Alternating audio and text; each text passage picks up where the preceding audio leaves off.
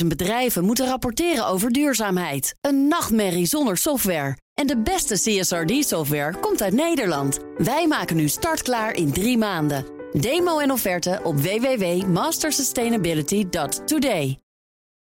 Toch? Factgoeroes. En daartoe is bij ons Frank Leeman zelf. Frank, goedemorgen. Goedemorgen. Ja, vandaag iets dat gisteren bij ons in de ochtendspits was. En dat vrees ik altijd met grote vrezen. het gaat, uh, ja, inderdaad, het gaat om dit nieuwsitem. Binance, dat is uh, een van de werelds grootste handelsplatformen voor cryptomunten, ja. gaat in de ban in Groot-Brittannië. Um, dat uh, blijkt uit een besluit van de financiële waakhond de FCA. En zij moeten dus stoppen met het aanbieden van diensten in het VK. Zo besluit die dienst. Oh shit. Oh jee. Ja, oh nee. ja, ja gaan we dan. Ik weet al wat er mis is. Komt je maar. Ja. Tijdens de uitzending was er al kritiek, ja. Ja, precies. En op Twitter ontploft het ook een beetje. Maar ik dacht, ik zal eens even uitzoeken hoe het zit. Maar goed, het bericht zag ik in eerste instantie op het FD. Met uh, de leuk allitererende titel... Britten doen cryptohandel via Binance in de ban. Ja. Maar het was ook te zien bij CNN, BBC, CNBC, Reuters, uh, Financial Times. Iedereen schreef erover. Ja, bij Logicommissie. Je... Ja, dat kan je stellen. Ja, ja precies. Het was een goed gezelschap. Ja. Uh, en als je de kop Britten doen cryptohandel via Binance in de ban leest... en ook het hele artikel van in dit geval FD waar staat dat de toezichthouder heeft opgedragen dat Binance zijn activiteiten moet staken. Nou ja, dan heb je natuurlijk de indruk dat Britten niet meer via Binance hun crypto-muntjes kunnen kopen en, en, verkopen.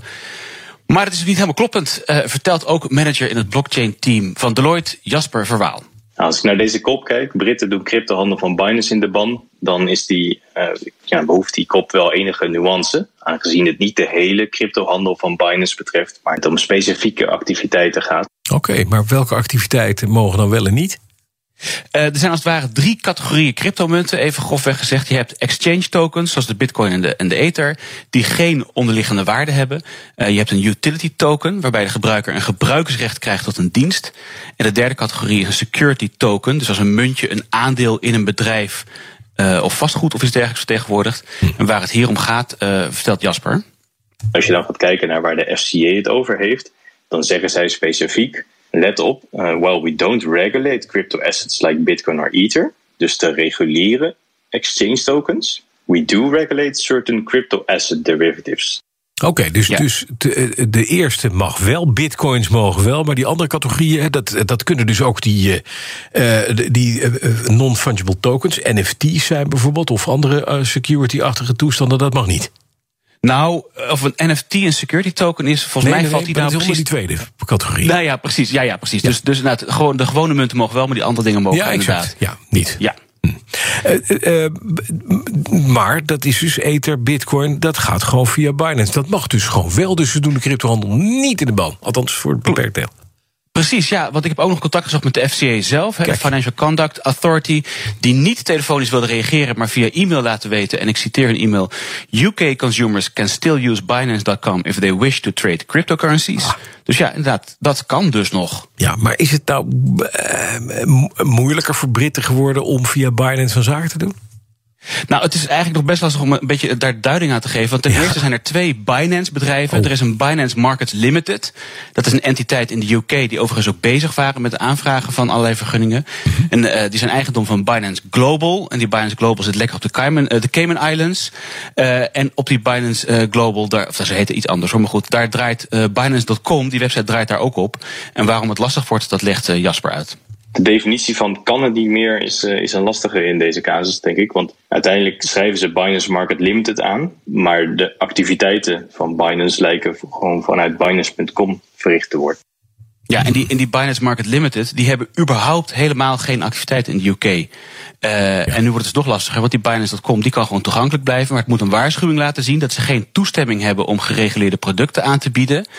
Maar of de toegangsknoppen tot die regulated products dan op dat moment grijs worden of inactief of wat dan ook, mm -hmm. dat is nog maar de vraag. En dat is ook niet wat de FCA van Binance uh, lijkt te vragen. Nee, maar wat, wat moeten we er dan? En dan is het, dan is het gewoon een, een, ja, een soort roep, een. Ja, daar ja, zit er weer aan. Een, een flash shot van de, van de FCA. Nou ja, zoiets, ik vroeg dus aan de Jasper, is dit dan symboolpolitiek? Naar mijn mening is dit geen symboolpolitiek. Uh, dit aangezien het bericht van de FCA het specifiek heeft over een consumer warning. En als je het dan specifiek hebt over uh, symboolpolitiek, waarom zouden zij zich dan bewust richten op de consument om hen te informeren? Dus ik zou het ja. zelf niet zien als symboolpolitiek. Nee, en daarna zegt de FCA in een e-mail aan mij dat het juridische framework rondom cryptoactiviteit niet op basis is van het zogeheten point of consumption framework, waarbij je kijkt naar waar de consument zich bevindt en de regels vanuit daar dan toepast. En door deze juridische keuze kunnen ze de consument de toegang tot Binance.com op dit moment niet eens ontzeggen. Dus de entiteit waar ze toezicht op zitten, zeggen, uh, hebben, die Binance Market Limited, die dus eigenlijk überhaupt niks doen, die zijn inderdaad geband voor de activiteiten die onder regelgeving ja. vallen. Maar Binance.com, ja, die kunnen ze niet bannen. Nee, precies. Dus uh, uh, kortom, we kunnen één ding stellen. Wat Iwan gisteren zei, is een leugen.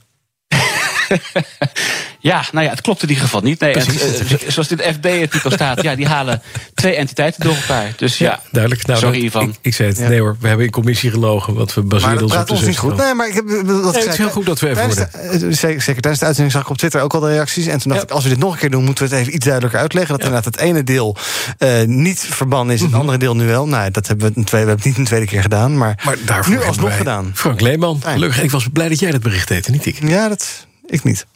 Dag Frank, dankjewel. Tot volgende week. 50.000 bedrijven moeten rapporteren over duurzaamheid. Een nachtmerrie zonder software. En de beste CSRD-software komt uit Nederland. Wij maken nu startklaar in drie maanden. Demo en offerte op www.mastersustainability.today.